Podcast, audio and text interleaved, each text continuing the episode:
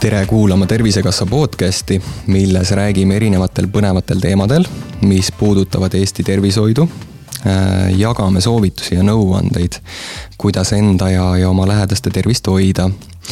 Äh, mina olen Sander Rajamäe Tervisekassa avalike suhete osakonnast ja tänane saate teema on elundidoonorlus.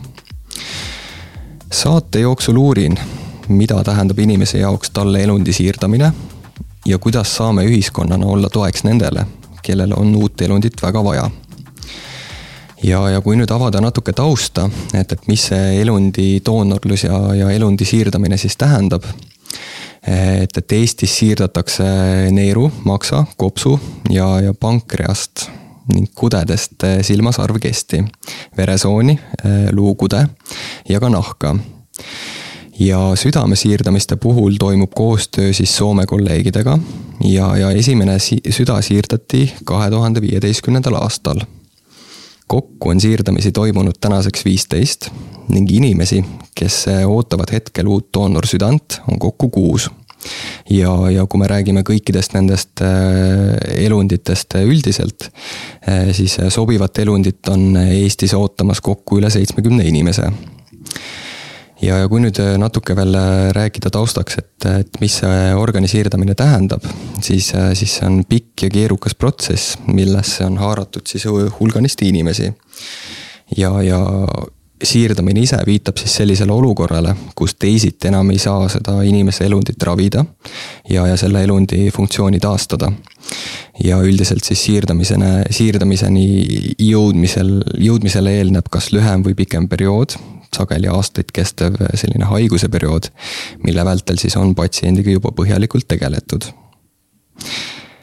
Ja selleks, et nüüd sellele keerulisele teemale valgust heita, anda, anda sellist inimlikku perspektiivi, ehk et siis patsiendi perspektiivi, olen tänasesse saatesse külla kutsunud Anli Jakobsoni ja Kristin Simsi kes on siis saanud tänu elundi siirdamisele võimaluse oma elu jätkata.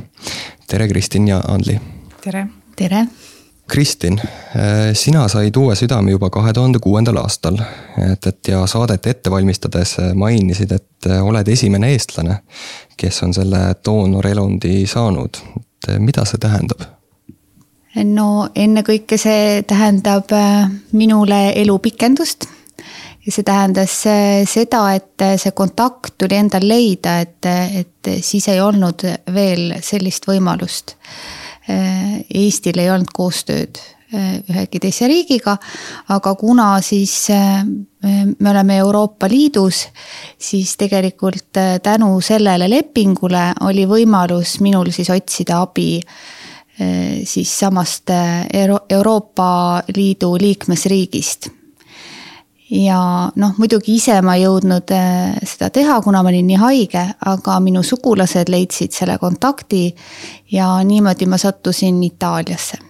eelnevalt mainisin, et neid äh, inimesi on tänaseks viisteist, äh, aga see siis käib selle juba perioodi kohta, kui meil on see Soome nii-öelda partnerlus.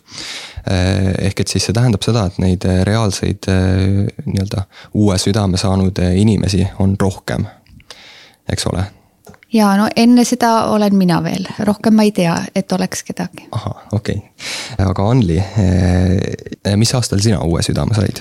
mina sain kaks aastat tagasi, kaks tuhat, eh, tegelikult kaks tuhat kakskümmend aasta lõpp, et kaks aastat ja natuke peale siis mm. -hmm. ehk et sina oled siis selle juba selle viieteist inimese sees, kes on siis just. Eh, koostöös Soomega selle, selle elundi saanud võib-olla uurikski sellise kõige põnevama või, või ka teisalt sihukese kriitilisema momendi kohta. et, et see moment, kui teile tuli see teadmine, et teid siis see uus elund ootab. kuidas see teid tundma pani? minul on see äh, väga selgelt meeles, kuigi see oli seitseteist aastat tagasi.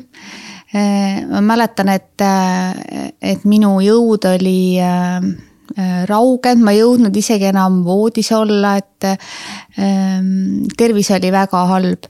ja, ja see tuli justkui selline rõõmusõnum, äh, mis algul tundus nagu uskumatu. Ja no muidugi emotsioonid olid väga ülevad, mitte ainult minul, vaid kogu sellel, kõikidel, kes olid seal osakonnas, nii patsiendid kui äh, arstid, õed, äh, perekond, nii et, äh, et muidugi see, see on põhimõtteliselt see, kui sünnib uus inimene, et siis on ka kõigil suur rõõm sellest. Kristin, sina olid juba viibisid juba sellel hetkel haiglas, aga Anli, et, et kuidas see, kuidas see moment äh, siis äh, sinul välja nägi, et, et kui, kui see teadmine saabus, et kus sa parasjagu olid või millega sa tegelesid? mina olin ka tegelikult haiglas, et mina olin juba Soome ülikooli kliinikumis. Äh, selleks hetkeks ma olin ootanud Soome intensiivravis südant kuu aega vist vist, kui ma õigesti mäletan juba endal tekib ka segadus. Ja ma olin ikka väga kehvas seisus, et tegelikult oli nagu iga päev kingitus, et ma ilma selle südameta elasin, iga päev ma ootasin seda südant. ja kui see päev kätte jõudis, siis see oli ka nagu tohutu rõõm, aga samas ka tohutu hirm. et äh, muidugi ma mäletan seda väga hästi teadagi, et kui see uus süda siis inimesele leitakse, et see ajavahemik, et, et millal see siirdamine peab toimuma, et see on ikkagi maru väike. et kuidas see teekond siis välja näeb, et, et äh, ühel hetkel teil on see teadmine ja järgmisel hetkel siis te olete juba nii-öelda operatsioonilaual ma ei, ma ei tea täpselt seda arstide poolt vaadatuna või, või et kuidas see ajaliselt nagu korraldatakse. aga ma arvan, et võib-olla siis enne, kui, kui võetakse see süda sealt eh, nii-öelda te, teise inimese seest, see, see organ, siis eh, ikkagi võib-olla juba enne teatatakse et kellele see läheb ja, mhm. ja et, eh, et selles, selles mõttes noh, võib-olla tehakse enne eeltööd, aga nii et mina sain hommikul teada, aga äh, ei mäletagi enam kellaaega, väga vara hommik oli, aga äh, kell üks oli, umbes kell üks oli minu operatsioon algas mm. -hmm. mina, mina tean, et minul oli niiviisi, et neljanda detsembri hilisõhtul äh, tuli arst minu juurde ja ütles, et Anli, et sul on süda olemas et varahommikul hakkame sind ette valmistama ja siis tuleb operatsioon, et mina eeldan, et nad siis varakult võtsidki mind sinna opituppa, tegid nii-öelda ettevalmistused ära ja ma arvan, et siis mindi sellele südamele alles järgi. just, aga, aga ma uurikski, et mis viis sellise olukorrani, et kus te, kus te vajasite seda uut, uut südant? no minul oli väike laps, ma arvasin, et, et ma väsin selle pärast et ma samal ajal käin tööl ja oli palav suvi. E, lihtsalt tundsin sellist ähm, õhupuudust, ei saanud hästi hingata ja jõudu ei olnud. E, ja lihtsalt mõtlesin, kuna see oli juba kestnud, äh, noh, ma ei tea täpselt, kas, kas nädal või paar või selline jõuetuse tunne, e, siis ma läksingi ise EMO-sse. et lihtsalt kontrollida, et mis siis viga on ja, ja Andli, sinu puhul, kas sellel elundi siirdamisel on, on sihuke nii-öelda eellugu siis mõne haiguse puhul või, või võib see ka nagu heast peast juhtuda, et inimene lihtsalt järsku tunneb, et, et midagi ei ole temaga korras või, või siis see probleem ikkagi nagu noh, kasvatab ennast ajas? natukene sarnane Kristini loole, et mul oli sellel hetkel kolm väikest last samamoodi vaikselt tundsin suvel, et no, et sihuke väsinud natukene ja magan halvasti ja. ma käisin muidu jooksmas, jooksin kenasti kümme kilomeetrit ära ja siis see võhm hakkas ka vaikselt ära kaduma. et on sihukene natukene salajane, et ta hiilib niimoodi vaikselt, et ma kuidagi harjusin sellega, et olengi väsinud ja mul on väiksed lapsed ja ja kuni siis lõpuks sinnamaani, et ma läksin ka omal jalal veel äh, PERH-i EMO-sse, kuhu ma siis jäin, et äh, seal siis tuligi välja, et mul on äge südamelihase põletik. et eellugu mul tegelikult ei olnud, ma olin täiesti terve ja see tuli kuidagi kuskilt ja tänaseni tegelikult keegi ei tea, miks minu südamega nii läks. ja nüüd, kui teil see nii-öelda teadmine olemas oli, et ikkagi teie südamega on midagi viga, kuidas siis äh, arstid teid juhendasid või kuidas see nagu olukord siis äh, noh, edasi liikus? No minul jah, arstid püüdsid äh, teha kõike võimalikku. Äh, ravimitega ja, ja ega tegelikult võib-olla korraks need ravimid andsidki väikse efekti, aga kui selgus, et minu südamepumba funktsioon, ehk siis see on äh, tavaliselt seal kuuekümne ringis, oli äh, kuskil seitseteist, noh et siis äh, oli, oli väga raske ravimitega seal midagi muuta, nii et tegelikult väga-väga kiiresti mu tervis halvenes. E, ja, ja siis diagnoositi mul dilatatiivne kardiomüopaatia, mis on siis, mis mis üldse see diagnoos minu jaoks oli nagu surmaotsus. sest mul oli varasem kogemus sellega, eh, selle diagnoosiga ka olemas, et seitse aastat varem eh, mul suri poeg eh, aastaselt sama diagnoosiga, nii et minu jaoks oli nagu see selge, et nüüd järelikult ma pean surema. et ei ole rohkem võimalusi aga, aga seda südame siis pumba tööd on, on võimalik kuidagi siis äh, nii-öelda väliselt mõjutada. Vabandage, kui ma nüüd eksin terminitega, aga et paigaldada see nii-öelda uus, äh, uus siis äh, süsteem, mis seda südame tööd siis nagu mm -hmm nii-öelda parandab. ehk et äh, Anli, nagu ma aru saan, et siis äh, teile see süsteem või, või siis see seade ka paigaldati mm. -hmm. ma ei tea, kas nüüd seade on selles kontekstis nagu õige sõna, meditsiiniseade mm. -hmm. mida see siis teie sees teeb? no minul hästi kiiresti halvenes, et ma läksin omal jalal EMO-sse äh, nelja päeva pärast ma olin juba kunstlikus koomas, südamelihase põletik oli nii äge. Nad lootsid ka, et et see hakkab paranema, sest südamelihase põletik on tegelikult ise paranev haigus, kui haigele anda rahu. aga siis ravi, mida nad tegid, tulemust tegelikult ei andnud, et siis oligi vaja ühendada mulle külge ECMO masin, mis on siis kunstkops ja kunstsüda. et see siis lööb verd ringi südame eest, et minul oli sellel hetkel siis südamejõudlus kümme protsenti, mis on peaaegu olematu. et mina püsisin elus puhtalt ainult tänu sellele masinale. sealt edasi siis äh, oligi sihuke äh, nii-öelda pikem haiglas äh, olemise periood ja siis sealt juba see operatsioon ja siis me jõuame juba sellesse päeva, et kus hakkas nii-öelda see taastumisperiood. jah, et tegelikult oli see Covidi aeg ja olid ikka päris nagu tohutul, tohutult suured läbirääkimised, et mind üldse sinna Soome saada mm. -hmm. et sellel hetkel nad ei tahtnud üldse tegelikult Eesti patsiente võtta, aga sellega läks mul õnneks mm. -hmm. aga, aga võib-olla küsiks, et, et mis on ühe inimese jaoks ja, ja ka teie jaoks sihuke üldse motivatsioon, et eh, miks sellele operatsioonile minna. sest et eh, noh, teadagi on ka neid, kes ei pruugi seda teekonda ette võtta jaa, ma olen, ma olen kuulnud, et ka Eestis on inimesi, kes ei ole nõustunud selle operatsiooniga. No minu puhul oli tohutu elutahe ja tegelikult sisemine motivatsioon ikkagi näha eh, oma last kasvamas. Ehm, ja, ja olla nii-öelda eh, osa tema elust. nii et eh, kindlasti minu laps oli see kõige suurem motivatsioon, miks oli nagu kergem taluda neid raskusi absoluutselt nõustun Kristiniga, et kui on ikkagi väikesed lapsed, et see on kõige, kõige parem motivaator. et äh, mina samamoodi mõtlesin, et ma tahan ju veel näha, kuidas nad koolid lõpetavad äh,, iseseisvalt ellu astuvad, et see oli kindlasti kõige suurem motivaator, et pingutada kindlasti seda motivatsiooni peab ka jaguma selleks nii-öelda operatsiooni järgseks eh, siis eh, ajaks. kas te äkki saate rääkida nendest eh, väljakutsetest, mis on siin noh, operatsiooni võib-olla siis kohe peale operatsiooni tekkisid ja, ja siis ka nüüd hilisemas elus. doktor Märt Helmetiga rääkides, siis see võib-olla kõige kriitilisem periood on seal noh, kuu-kaks pärast operatsiooni, et, et kas teil esines mingeid tagasilööke või või, või mingeid probleeme selle uue elundiga?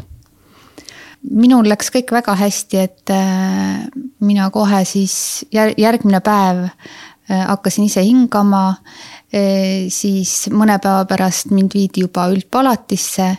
ja noh, muidugi algul olid väga suured piirangud, et ähm, mitte keegi ei tohtinud olla minuga samas palatis ilma maskita, ilma kinnasteta, nii et. et kõik see tegelikult oli päris pikalt, isegi siis, kui ma sain haiglast välja. ja, ja muidugi algul ei tohtinud mitte midagi süüa. kõik oli keelatud. et kõik kõik töödeldud, keedetud äh, suhkrud äh, olid null. ühesõnaga see piimatooteid ei tohtinud, muna ei tohtinud, see oli väga-väga pikk nimekiri. aga mm, see tasus seda vaeva, sest äh, vastutasuks oli ju elu. selle, selles mõttes mina, minul ka teadaolevalt ei olnud ühtegi äratõukereaktsiooni, nii et mm. -hmm. et ainult võib-olla, mis, mis oli, äh, olid mul väga suured peavalud kohe. Äh, ilmselt äh, siis noh, nendest ravimitest ma ise arvan, et nagu ütles minu Itaalia sõber, et, et sinus on ju sama palju keemiat nagu ühes aatompomis Pole üldse ime, et sul pea valutab vaikselt ma nende ravimitega keha harjus ja, ja tegelikult. Äh, ja siis ka see peavalu vaikselt äh, taandus. jaa, et see taandus tegelikult mm -hmm, jah. -hmm. ma mainin vahele, et, et, et siin käis läbi sõna äratõukereaktsioon et, et äh, see on siis olukord, kus see, tähendab selle siirdatud organi ja siis kudede vahel tekib sihuke reaktsioon, sobimatus täpsemini siis immuunreaktsioon. ja see tähendab siis seda, et inimese organism ei võta seda uut elundit omaks. et äh, äkki te teate, mida siis või mis siis juhtub? minul oli kohe alguses äh, väga äge äratõukereaktsioon. minul väljendus see niimoodi, et südamerütm oli umbes seal seitsmekümnest kuni saja kuuekümneni, aga ta käis niimoodi hästi kiiresti üles-alla, et natuke aega tuksus ühes rütmis, siis noh, rütmihäired sisuliselt, aga lihtsalt siis see vahe oli nii suur. et, äh, et minul oli siis noh, sedaviisi see väljendus, see äratõukereaktsioon, et mm -hmm. siis seda intensiivis uuesti äh, suruti maha ja hiljem ka veel üks, üks siis kergem äratõukereaktsioon, et enda sees muidugi tekib tohutu hirm, et mul oli tunne, et kui, kui sellega ka nüüd mäele ei saa, et mis mul veel need võimalused on, et kui see süda ka ei sobi. et äh, päris sihukene kurnav mm. -hmm. ja mis selle äratõukereaktsioonini siis nagu viib?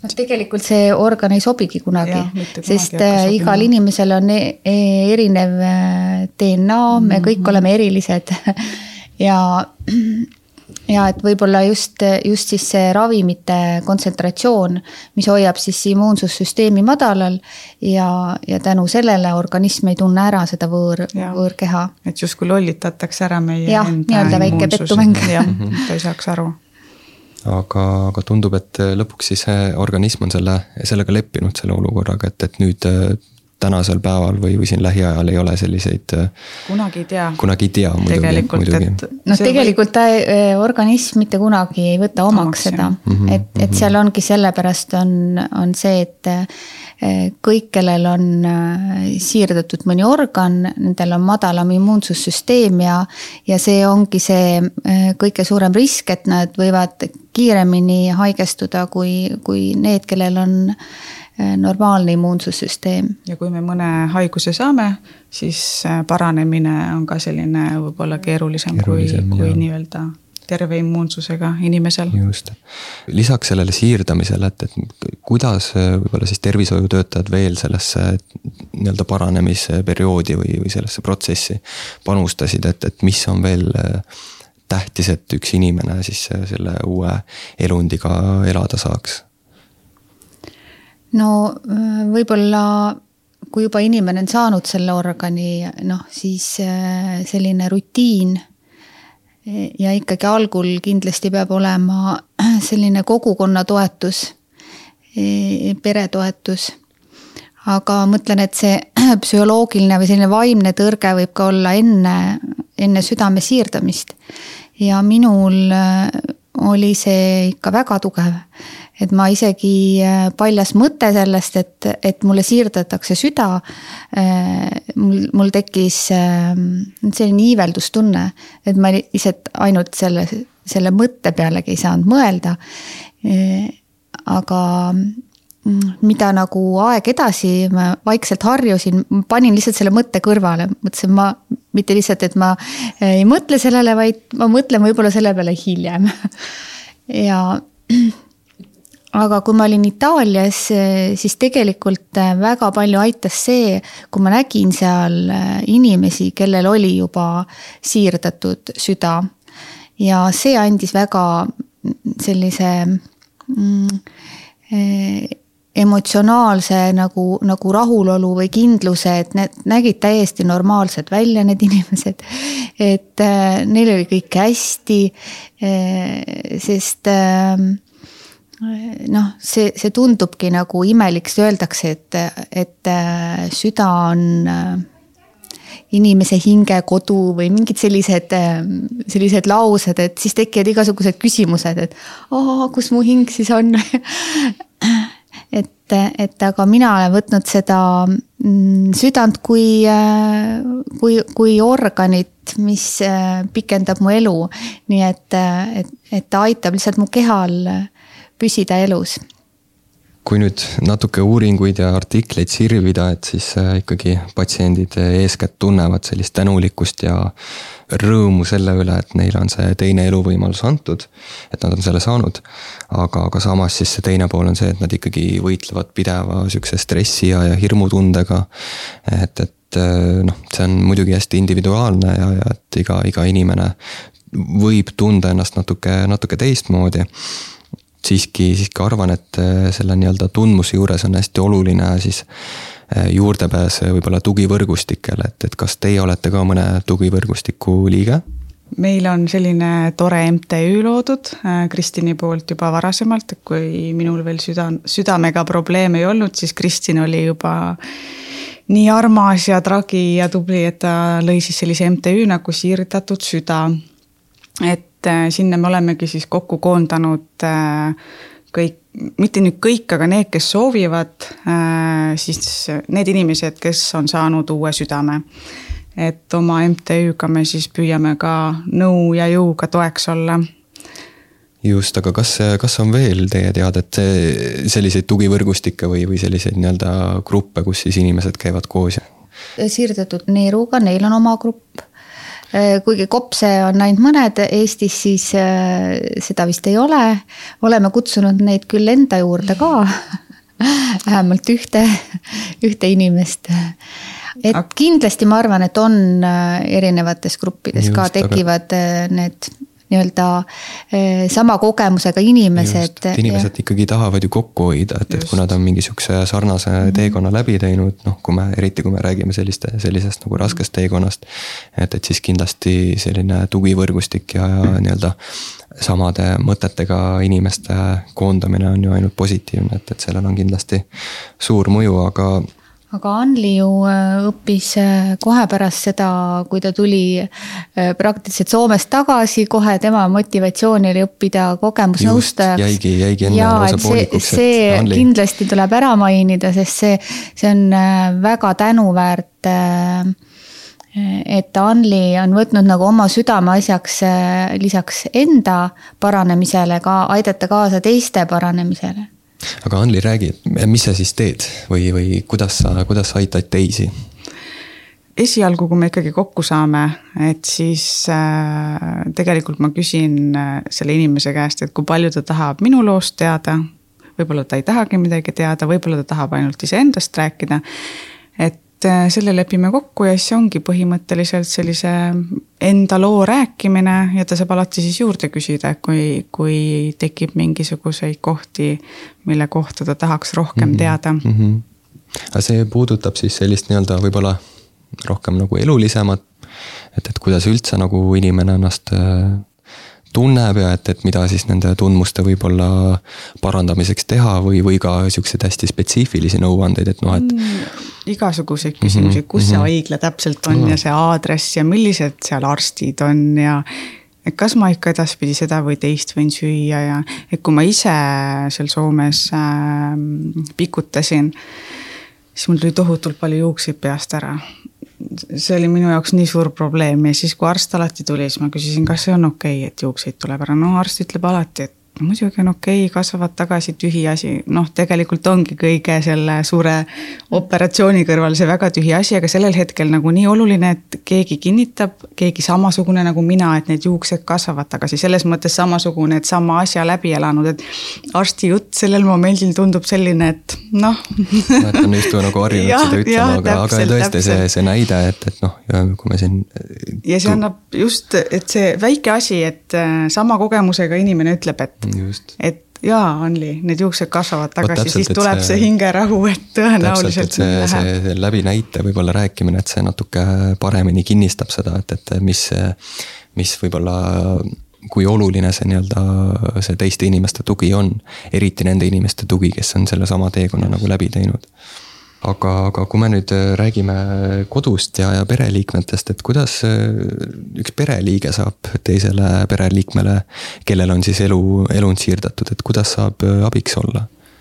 lihtsalt palju kannatlikkust on vaja. eks see on ka natuke individuaalne, et iga lähedane tunneb oma inimest kõige paremini tegelikult, et mida ta vajab ja kindlasti ma arvan, et võiks ka otse küsida, et kui sa näed, et inimene on liimist lahti, sa ei tea täpselt, kuidas talle läheneda, siis on oluline välja öelda, et ma olen sinu jaoks olemas, et ütle mulle, mida ma teen valesti või mida ma teen õigesti, et ma soovin, et sa vot just nii minule läheneksid, et mm -hmm. võib-olla inimesed ei julge ka otse küsida ka oma lähedase käest, et, et mida sa sooviksid, et kindlasti tasuks rääkida ja. jah, see avatus suht-, avatud suhtlus on alati, eh, ma arvan, eh, abiks ja selline Just. heade suhete võti mm. -hmm. ja suhetest eh, tegelikult loeb väga palju, milline see elukvaliteet on sest mina mäletan, et mind õudselt ärritas, kui inimesed kogu aeg liiga positiivsed olid, et positiivne peab olema, aga mingi hetk oli mul sihuke tunne, et et noh, kõik ei ole nii positiivne, kuidas te nagu saate kogu aeg öelda, Anli ei ole positiivne, Anli ei ole positiivne, ma ei jõua olla positiivne, ma tahangi vahepeal olla et. minu meelest sa kogu aeg naeratad aga lihtsalt. et äh, kindlasti aletsemine ka kaasa ei aita, aga võib-olla ka selle positiivsusega vahepeal natukene Ja, madalama profiili hoida. positiivsust ja seda reaalset nagu pilti Olukorda. peab natuke nagu noh, tasakaalus hoidma. et kui on mure, siis, siis võibki, võibki sellest ka rääkida, et see on ka mhm, okei okay. mm. -hmm. Aga nüüd äh, oleme aastas kaks tuhat kakskümmend kolm ja, ja kuidas see täna teil elu äh, välja näeb, et, et kas see operatsioon noh, kindlasti ta mõjutab teie elu kuidagi, aga, aga kuidas? ma tooks sellise võrdluse, et kindlasti elu täna ei ole selline äh,, nagu see elu oli enne seda diagnoosi et neid olukordi ei olegi mõtet äh, võrrelda. aga elu täna võrreldes sellega, mis ta oli seal Itaalia haiglas äh, näiteks mina ka enam voodist ei tõusnud, äh, ma ei, noh, ei jõudnud hambaid pesta, kõiki seda elementaarseid asju ei jõudnud teha, mis, mis on tervele inimesele täiesti normaalne. Nii et võrreldes sellega ma arvan, et mu elu on lill võrreldes sellega ma saan, eh, tulen igapäevaeluga toime, ma saan eh, tööd teha, ma saan eh, sporti teha, ütleme siis parandan tervisesporti. et sport ei tähenda tund aega mingit aeroobikat, vaid et, vaid just selline mm, värskes õhus liikumine, mingid jalgrattasõit et äh, selline kardiotrenn pluss äh, kõhulihasärjutusi võib ka teha mm, -hmm. pole keelatud no minul on võib-olla kõige suurem väljakutse praegu see, et ma uuesti kõndima hakkaksin, et äh, minul tekkis ravitüsistus, et see masin, millest ma ennem rääkisin, ECMO masin. et äh, ma olin selle masinaga koos, elasin äh, kaks kuud peaaegu ja siis minul tekkis tänu sellele seljaajus äh, infarkt ja siis mõned närvid said seal kahjustada, et äh, minu, minu jaoks tundub praegu muidugi kõige suurem muutus see, et ma pean kõike ratastoolis tegema, et äh, see on kõige keerulisem. no ma teen kolm korda nädalas väga tugevat trenni ja ma arvan, et ma teen isegi selliseid asju, mis ei ole minusugustele lubatud, nii, nii-öelda minusugustele ikkagi..., aga ma ei saa mitte iial hakata kõndima, kui ma siis nagu ma ei tea, ei lähe sellest lubatud latist kõrgemale. mis see trenn on? et seda on hästi raske, selles mõttes on äh, keeruline seletada, et tegelikult ma teen nüüdseks, äh, ma teen suht sarnaseid asju nagu kõik teised tavalised inimesed, et väljaasteid, kükke. lihtsalt see on niivõrd raske minu jaoks füüsiliselt, et see võrdub võib-olla minu kaksteist sihukest imepisikest kükki võrdub nagu terve inimese, ma ei tea, viieteist kükiga sügavad kükid, aga see nagu võhma poolest on mm -hmm, nagu nii tohutult raske mulle. sõidan ka jalgrattaga lõuga tõmban iseenda lõbuks, kuigi ma kuulsin, et meiesugused ei tohi üldse käsi hoida kuskil kõrgelgi, aga see on ikkagi enesetunde järgi, et ma kunagi Midagi. selles mõttes ei ületa mingit sellist piiri, et. et ma tunnen, et mul on tohutult halb olla ja ma ikka edasi punnitan, et see on selline koostöö treeneri ja minu vahel, et kui ma tunnen, et see on minu piir, siis sellest ma tõesti üle ei astu aga, aga veel äh, pereliikmete puhul, et, et äh, vaadates nüüd neid inimesi, kes, äh, kes sinna koju jäävad, võib-olla lastega tegelema jäävad, et tihti võib-olla need inimesed ei saa seda tunnustust, mida nad, mida nad väärivad, et. kuidas siis neid inimesi tunnustada või, või pilti tuua, et, et kes on need nii-öelda tagaliinil? no eks see ongi hästi keeruline, et kui parasjagu toimuvad nii keerulised sündmused, et keegi on ära suremas, siis osad inimesed äh, ma ei tea, samamoodi, et nad ilmselt ei oska läheneda, nad ei oska võib-olla abi pakkuda. et ega ma ju tegelikult oma abikaasa sisse ei näinud ja ei näe siiamaani, et millised läbielamised tal on, et meil olid ühed väga lähedased äh, sõbrad, kes kindlasti väga palju aitasid ja mind aitas see ka väga palju, et, et et nemad olid minu mehele toeks. ja minu abikaasa ise oli tohutult tubli, et ma sain haiglas rahulikult olla, et ma teadsin, et minu lapsed on hoitud. Nad saavad oma elu jätkata täpselt samamoodi, nagu see varasemalt oli, et et kindlasti ma julgustan kõiki sõpru ja lähedasi hästi palju tähelepanu pöörama sellele inimesele, kes on justkui nagu kõrvalseisja. kes on selles aitaja rollis. jah, aitaja rollis, just, just, just nimelt. et, et ja noh, tihti need inimesed võib-olla ei saa ise aru, millises nagu, millises suures rollis nad on. Uurisin siin natuke enne, enne podcast'i salvestamist äh, Tartu Ülikooli Kliinikumi kardioloogilt, äh, doktor Märt Helmetilt.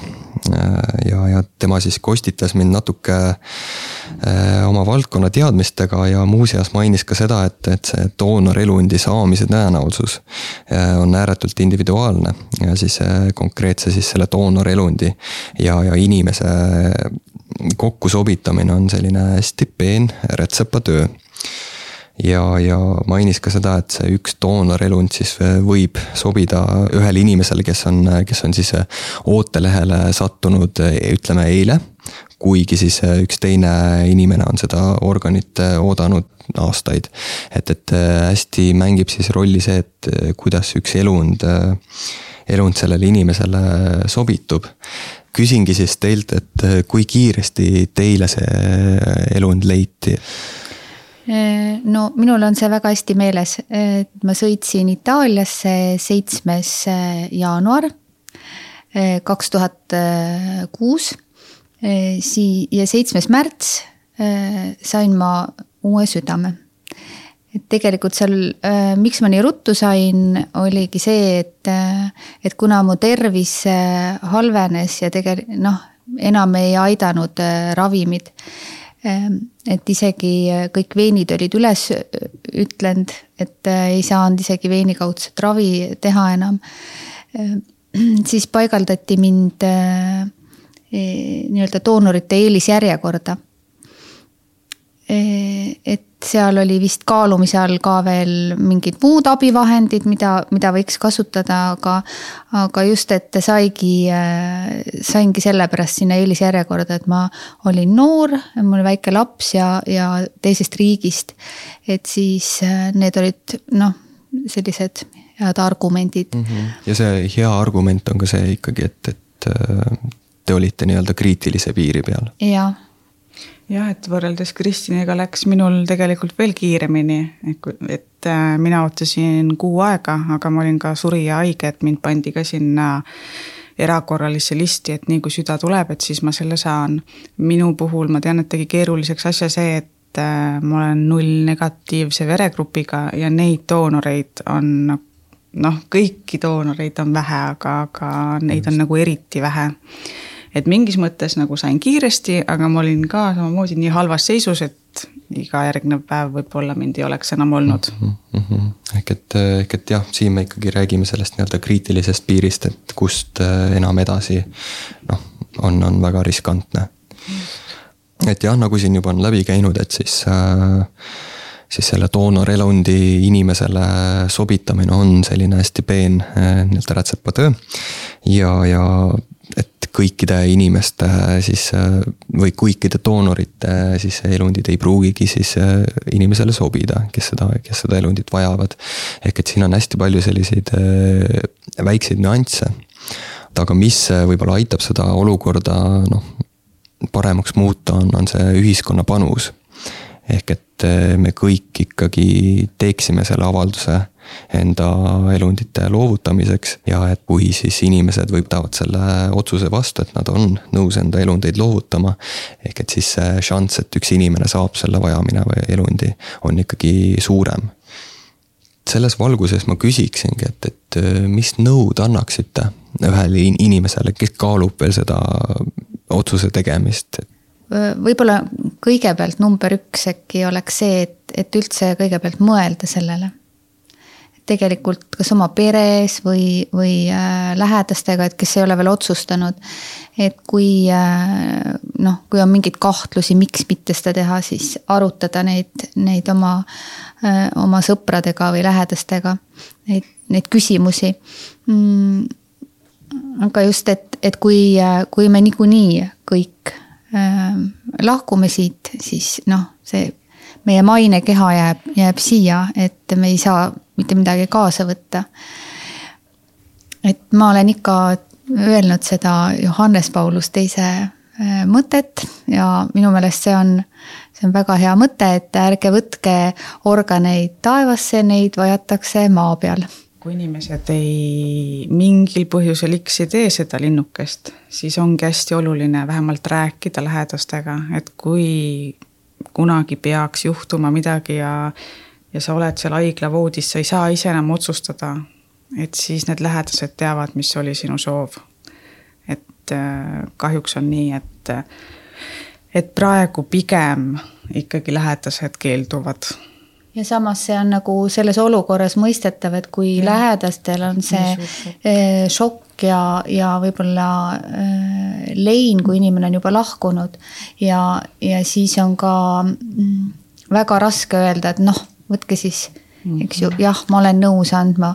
kui me igaüks mõtleks selliselt, et äh, kui ma päästan ühe inimese, siis ma päästan maailma. kui kogu maailm mõtleks nii et kui suur oleks see panus? see elundi doonorluse tahteavalduse täitmine ja, ja üldse elundite loovutamisega nõustumine on, on üks omakasu püüdmatu tegu ja, ja see on kindlasti hea võimalus panustada ühiskonda ja, ja teha midagi teiste inimeste heaks. isiklikult usun, et see tänane jutuajamine annab inimestele mõtteainet eeskätt siis inimestele, kes ei ole veel seda, seda otsust teinud. ja selleks, et siis eh, teha see otsus, et, et loovutada abivajajatele eh, siirdamiseks elundeid ja, ja kudesid pärast surma, tuleb esitada patsiendiportaali kaudu tahteavaldus.